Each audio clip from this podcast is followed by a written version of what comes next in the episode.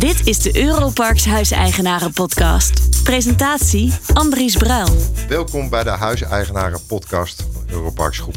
Vandaag gaan we een duurzame, milieubewuste, maatschappelijk verantwoorde uh, uitzending maken. Ik heb twee gasten bij me zitten. Erik van Dijk van de Nationale, Nationaal Operator Green Key gaat zichzelf zo voorstellen. En Fred Verbeek, parkmanager van Europarks de Woudhoeven. Erik, uh, stel jezelf voor en stel de organisatie waar je voor staat en waar je voor werkt ook graag even aan onze luisteraars voor. Ja, mijn naam is uh, Erik van Dijk. Ik ben uh, werkzaam als directeur bij de Stichting Keurmerken Milieu, Veiligheid en Kwaliteit. Kortweg KMVK. En dat is een samenwerkingsverband van Koninklijke Horeca Nederland, de brancheorganisatie, de ISWA Recron en de ANWB. En mijn stichting uh, heeft als doelstelling om de toeristisch-recreatieve sector te verduurzamen. In de breedste zin van het woord? In de breedste zin van het woord. En dat doen we dan heel concreet, onder andere met het keurmerk Green Key. Dat is een internationaal keurmerk en in die internationale termen ben ik de national operator voor Nederland. Even uh, de relatie toch even met Europarks. We hebben 45 uh, parken in Nederland en er zijn er 16, begreep ik, uh, nou begreep ik, dat weet ik, uh, Green Key gecertificeerd. En uh, waarom hebben we hier Fred zitten? Fred van de Woudhoeven, Europarks de Woudhoeven. Fred, jij bent zelfs gold gecertificeerd. Stel jezelf even voor en wat is jouw passie met Green Key? Want ik heb van mijn collega's begrepen dat jij daar echt ook een passie van hebt. of voor ja. hebt en, en, en heel veel werk aan besteedt. Dat is ook zo. Allereerst, uh, ja, uh, Fred Verbeek. Ik ben uh, inmiddels nu zes jaar op de Woudhoeve als parkmanager. Ooit begonnen eigenlijk vanuit het parkbeheer technisch gedeelte. vandaar dat ik eigenlijk ja, zo'n beetje alle in- en outs inmiddels heb geleerd. omtrent ook de Green Key, duurzaam ondernemen. Ik heb een, een heel gedreven team, zeer gemotiveerd ook. En we zijn dan inmiddels nu dan moet ik even terugdenken. Elf jaar zitten we binnen de Green Dus dat is, uh, dat is best wel wel een aardige tijd. Zilver begonnen, nu goud. En uh, ja, dat, uh, dat vergt ieder jaar opnieuw weer gewoon je, wel je inzet. En kijken waar je op bepaalde punten ja, steeds jezelf weer een stuk kan, ja, kan verbeteren. innoveren. Oké, we gaan de luisteraars gedurende deze podcast meenemen hoe dat dan moet en waarom dat dan moet. Uh, Erik, mijn eerste vraag eigenlijk aan jou. Is de sector, als je het nou over de sector hebt, recreatie en toerisme, is die eigenlijk heel erg groen? Eh, die wordt steeds groener. En het belang daarvan uh, zien we dat dat komt door maatschappelijke ontwikkelingen, maar ook door marktontwikkelingen. Eigenlijk begonnen op die zakelijke markt, de markt van congressen, conferenties. Dat je zag dat en de overheid, maar ook het serieuze bedrijfsleven, als ze een hutje op de hei organiseerden, zoals ik dat altijd noem, dat dat ook op een duurzame locatie moet zijn. Wanneer ben je een duurzame locatie? Dat kun je aantonen met facturen dat je biologische wijn en dat je, noem het maar op, inkoopt. Je kunt het ook doen door aan te tonen met een, eh, met een keurmerk, waaronder dus uh, Green Key. Dat is één. Op de tweede plaats zien we dat in die internationale toeristische ontwikkelingen in de touroperating, dat uh, grote touroperators alleen kaarten of kamers, allotments inkopen op die plekken die duurzaam zijn. Dus dat corporate social responsibility heel erg belangrijk is. En, um, ja, en je ziet ook steeds meer dat ook de consument steeds kritischer wordt op datgene wat hij consumeert. En dat geldt denk ik ook voor vakanties en reizen. Als je het nou met andere sectoren zou moeten vergelijken, even kort. Of als je zegt van nou, ik moet het vergeleken met andere sectoren op een op een schaal van 1 tot 10 uh, uh, vergelijken, waar staan we dan als toeristische sector? Dan denk ik dat we op een 6, 7 staan, denk ik. Kijk, dus we moeten wel leven. Je moet nog, we moeten met elkaar nog wel wat inspanningen leveren. Goed. Erik, uh, Green Key organisatie. Um, wat is het belang zeg maar, voor de leefomgeving, voor de aarde? Ik trek het maar gelijk heel groot. Uh, dat die organisatie er is en wat doet die precies? Ja, de, ja, je kunt het inderdaad als een soort van trechter zien. Hè? Heel uh, globaal zitten we met een klimaatopgave. Dat kun je gaan vertalen in wet en regelgeving. Dat kun je gaan vertalen naar je eigen gedrag. Wat doe je thuis? Als het gaat over de lampen op tijd uitzetten of ledverlichting pakken of afval verminderen. Dat soort zaken kun je ook gewoon op vakantie doen.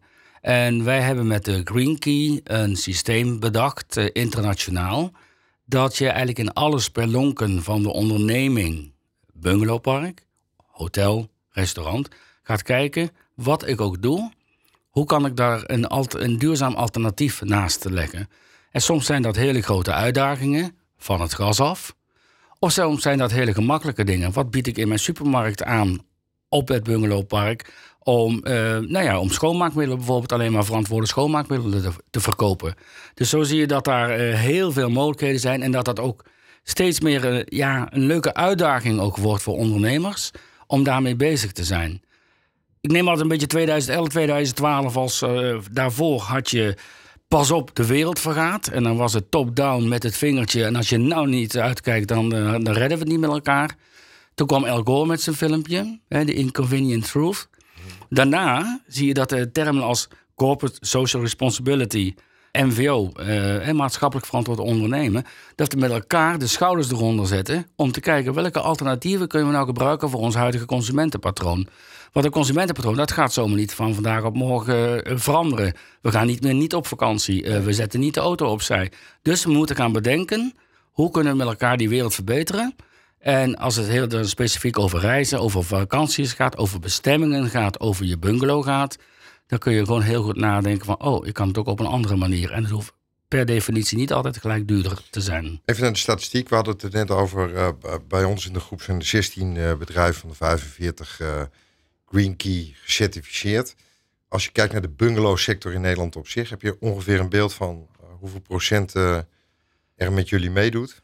Ik heb het niet precies in procent, procenten, maar ik weet wel dat alle grote ketens in Nederland uh, met Greenkey werken, dan wel nog met Greenkey gaan werken.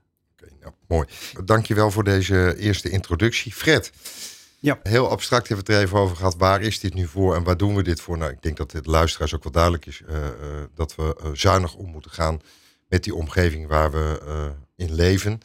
En specifiek ook met de omgeving waar we in recreëren, want dat zijn vaak natuurgebieden rustgebieden. Want daar is het ook fijn om te recreëren. Wat moet je nou uh, als parkmanager uh, veranderen? Of waar moet je nou aan denken om tot die green key te komen? En dan uiteindelijk heb je dan ook goud bereikt. En dan heb je er waarschijnlijk nog wat extra stappen voor moeten doen. Neem ons eens even praktisch mee, de luisteraars eens even praktisch mee in die weg naar dat gouden certificaat. Ja, um, nou ja, in het begin, ik heb eventjes ook wat nagekeken ons eerste keuringsrapportje, dat was uh, zeven pagina's. Als je vandaag de dag kijkt, dan tellen dat er 21.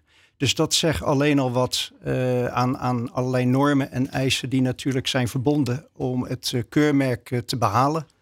In onze tijd was het ook best wel een uitdaging, omdat veel overheidsregelingen waren nog niet verplicht, dan wel al bij de Grinky. die hadden dat al bij ons neergelegd.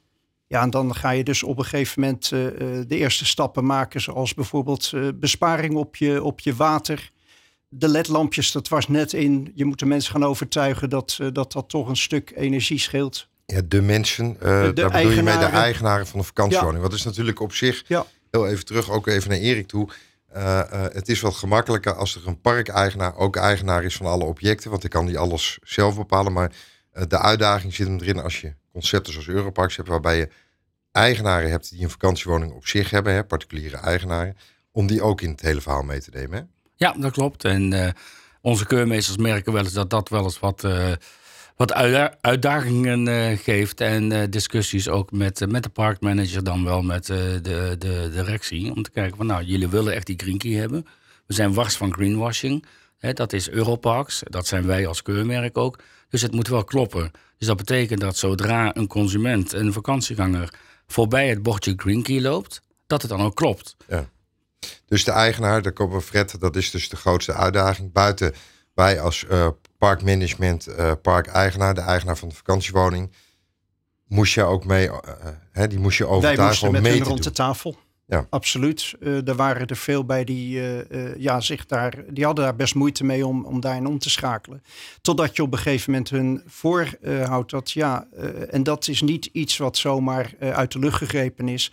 Green Key doorvoeren in je bedrijf betekent ook een enorme kostenbesparing. en dat vind je terug in. Zowel voor de eigenaar als voor Uiteraard. Europarks. Zowel voor, eh, voor Europarks als ook voor de eigenaar. En eh, ja, voor de, voor de gasten.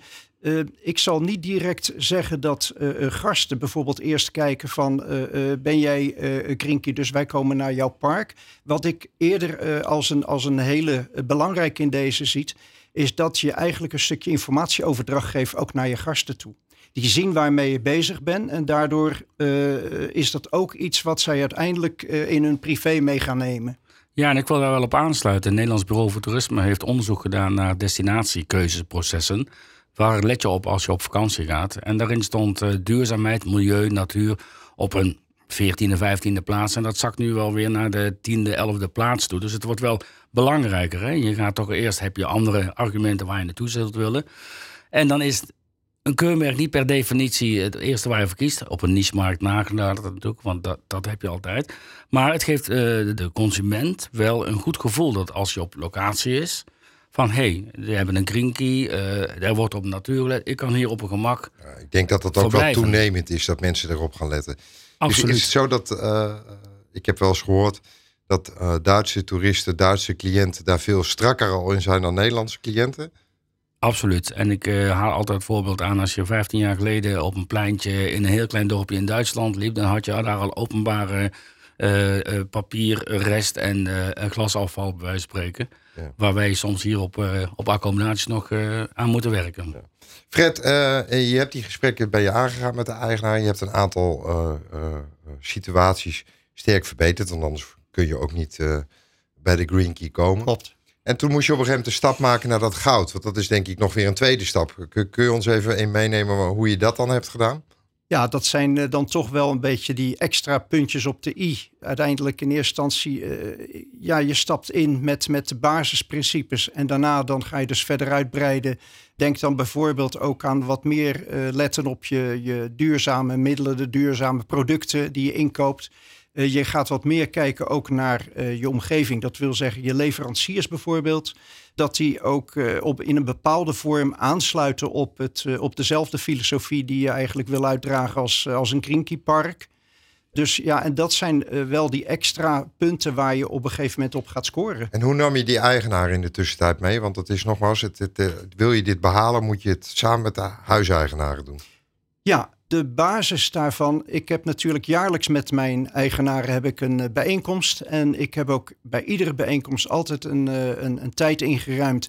waarin ik een stukje presentatie deed van een aantal zaken die we ook weer binnen de eh, Green Key hadden gerealiseerd. En dat, dat kan te maken hebben met weer een extra stukje waterbesparing. Of, of wat efficiënter omgaan ook met bijvoorbeeld groen onderhoud. Waar je heel goed in kan scoren. Dus ja, eh, en, dat, en, ik laat ook zien waar we werkelijk op een gegeven moment ook onze eh, kosten kunnen besparen. En dat men daarin in, een bijdrage in kan leveren. Dus ja, dat is, eh, ik denk wel voor mijn persoonlijk gevoel, als ik kijk naar de Woudhoeven, dat toch wel heel veel eigenaren het begrip hebben en de bewustwording van, van de voordelen van dit verhaal. Ja. Nou, mooi om te horen. Erik, het is niet bij wet geregeld hè, dat je moet meedoen aan een dergelijke certificering zoals Green Key. Nee, dat klopt. Het is een eh, vrijwillig eh, keurmerk. En onze criteria zijn ook bovenwettelijk. Dus wij gaan ervan uit dat de ondernemer, de aanvrager van Green Key, dat hij voldoet aan wet en regelgeving. En wij zetten daar nog een stapje op, omdat de ondernemer dan nog extra zaken wil doen dan, meer, eh, dan, dan dat de wetgever eist. Maar wat we zien, en daar, zoals we net ook al verwoord, is dat er steeds meer wetgeving wordt. Dus er komt steeds meer op ondernemers af waar ze aan moeten voldoen. Zeker als het gaat over het hoofdstuk energie, energiebesparing. Erkende maatregelenlijsten, de European Energy Directive voor grote ondernemingen waar Europarks ook onder valt. Dus jullie zullen wel moeten, of Europarks zal wel moeten. Samen met de eigenaar. Maar- een, een, een voorbeeld wat we natuurlijk nu, eh, waar wij nu binnen Europarks groep eh, eh, zitten, is dat we elke woning een apart eh, energiecertificaat eh, moeten aanvragen. ja. Tot 50, of vanaf 50 vierkante meter groot. En op, op den duur zul je eh, bij die woningen die niet voldoen aan het eh, D-label, zul je ook weer passende maatregelen. Maar waar het om gaat, dat je dit altijd met elkaar moet doen. Hè? Ik denk dat dat belangrijk is. Absoluut. met name de energietransitie die eraan zit te komen. Ook Ja. in onze sector, waar onder andere nog veel met propaangas gewerkt wordt. omdat het vaak in afgelegen gebieden ligt, waar, waar, geen aardgasaansluiting was. Ook daar zullen we in de toekomst maatregelen moeten nemen. Ja. Spelen jullie daar ook een rol in? Ja, daar spelen we zeker een rol in. Omdat A, aan de ene kant we dat ook met, criteria, met onze criteria belonen. En dan komen we ook in het systeem van brons, zilver, goud, waar we het al over hadden. En B, ook met informatieverstrekking aan de parkmanagers, aan onze deelnemers van, van Green Key. Wat zijn nou de juiste oplossingen? We organiseren voor Green Key deelnemers ook, ik noem het altijd, gluren bij de buren bijeenkomsten. Ik zit met een probleem, met een uitdaging. Hoe hebben ze dat op een ander park opgelost? Kunnen van elkaar leren? En ik denk dat dat soort informatieoverdracht heel belangrijk is. En op de andere plaats is ook dat wij vooruitlopen op wetgeving. Dus wij proberen de wetgeving in Nederland, maar ook op Europees niveau in de gaten te houden. Wat komt er op ons af? En dat soort ontwikkelingen alvast meenemen in onze optionele, dan wel verplichte criteria. Dus zodra het dan wetgeving wordt, dat een onderneming zegt: ja, prima, eh, dat doen we, dat doen we al jaren, want dat, eh, dat is ook een van de eisen van Green Key. Vooruitlopen eigenlijk. Vooruitlopen op. Is het alleen in Nederland, uh, Green Key? Nee, Green Key is een, dus een internationaal keurmerk. En wij zitten in ik geloof 45 landen wereldwijd. Maar met name dan ook in, de, in Europa. Om, uh, zitten we in België, in Duitsland, in, in Frankrijk. In, uh, ik geloof, ik weet niet of ze al gestart zijn in Oostenrijk, Zwitserland. Maar daar zijn ze in ieder geval ook bezig om dat op te starten. En daarbij geldt wel dat wij dus een internationale uh, criteria hebben. Internationale baseline criteria. En dat ieder land daar nog een schepje bovenop mag doen. Maatwerk. Maatwerk. Omdat natuurlijk uh, de ontwikkelingen in West-Europa anders zijn dan nou ja, in Zuid-Afrika of in Egypte. Ja. Fred, nou bij je goud hè? Achterover zitten nu, lekker ontspannen. Nee, absoluut niet. Nee, nee, nee. Dan, kijk, dat is natuurlijk ook wat je merkt binnen de organisatie. We zijn natuurlijk heel druk bezig met uh, uh, het ontwikkelen van, uh, van, van hele nieuwe zaken. nou, misschien niet nieuw, maar we weten gewoon dat we op allerlei ja, uitgaves moeten gaan. ja, in ieder geval bezuinigen in die zin dat je zegt van luister eens, je kan daar een goede bijdrage aan leveren. Op, op, op gebied van ecologische voetafdruk natuurlijk. Ehm, ook qua, qua energie. Uh, daar word je natuurlijk vanuit de overheid ook op gewezen. En dus wij zijn constant eigenlijk in de weer om toch weer, uh, we, als we denken dat we er op een gegeven moment zijn, toch weer de zaak opnieuw te gaan uitvinden. En weer te gaan kijken van kan je daar nog beter op bezuinigen. Zeker niet uh, achterover zitten. nee, als je nou zegt, noem eens één wens die je hebt, die past binnen het Green Key beleid en gewoon het duurzaam ondernemen. Wat zou je dan zeggen? Ja, voor ons park zou dat nog altijd de zonnepanelen zijn. Ik denk dat wij daar een, eh, een enorme uh, bezuiniging uh, zouden kunnen uh, bereiken. Zeker op gebied. We hebben een, open, we hebben een, een buitenzwembad. En dat zou volledig op zonne-energie kunnen draaien. Dus ik denk dat je daar al een, een, zeker een, een, een omvangrijke bezuiniging zou kunnen, kunnen realiseren. Okay, mooi. Erik, aan jou nog een, een laatste vraag. als je nu de luisteraars, de eigenaren van de vakantiewoningen, ze zeggen van oh, wat is nou de grootste uh, verandering uh, die wij met z'n allen uh, tegemoet gaan en waar we met z'n allen aan moeten werken, maar die wel uiteindelijk tot een positief resultaat zal leiden, hè, want het draagt bij aan een betere leefomgeving, beter klimaat, betere aarde. wat vind je dan de grootste uitdaging voor de komende drie jaar? De grootste uitdaging is uiteraard van het gas af. we kijken hoe we klimaatbestendig verder kunnen gaan opereren. Maar een andere, waar we misschien niet zo heel vaak over nadenken, is ook de natuurinclusiviteit. Hoe kunnen we meer natuurinclusief ondernemen in Nederland? Eh, we zijn een heel klein landje. Eh, de, de even de term natuurinclusief ondernemen, niet voor iedereen bekend. Kun je even kort uitleggen? Ja. Uh, geef het één of twee voorbeelden wat natuurinclusief ondernemen is. Nou, natuurinclusief ondernemen is kijken hoe richt ik mijn park in en hoe, wat voor programma heb ik voor mijn bezoekers om die natuur optimaal te beleven en op de juiste manier ook mee om te gaan. Om een voorbeeld te geven, als je kijkt over eh, beplanting, uh, kies dan voor uh, streekeigen beplanting en ga niet met vreemde exoten werken. Dat geeft een prachtige. En nou, je hebt jou in de Woudhoeve, het duingebied, het Schorls, de Noord-Hollandse zandlandschap. Probeer dan de ja, beplanting aan te passen zoals die ook in de omgeving is. Dat is gewoon mooi. De beleving is daar dan ja, een stuk beter en het is goed voor de natuur. En dat kan zorgen voor de, biodiversiteit te bevorderen door bepaalde maatregelen te nemen. En dan kun je komen met hele, dat zijn vaak ook wel hele simpele maatregelen als een bijenhotel of dat soort zaken. Maar het draagt dan wel bij tot een meer natuurinclusief ondernemen. Dankjewel. Uh, kortom, jouw, uh, jouw advies is uh, voor, voor Europarks als bedrijf, maar zeker voor haar eigenaren, de grootste uitdaging zal zijn de energietransitie. Fred geeft daar eigenlijk ook al een voorschot op. Ik wil graag zonnepanelen. Heel veel mensen denken, ja, waarom doen ze dat dan niet, hè, die zonnepanelen? Nou, het hangt ook vaak af van het netwerk. Kan het netwerk het aan om die energie ook kwijt te raken als het heel rustig op het park is, maar toch heel veel zonneinstraling? maar ongetwijfeld een belangrijk thema voor de, voor de komende jaren.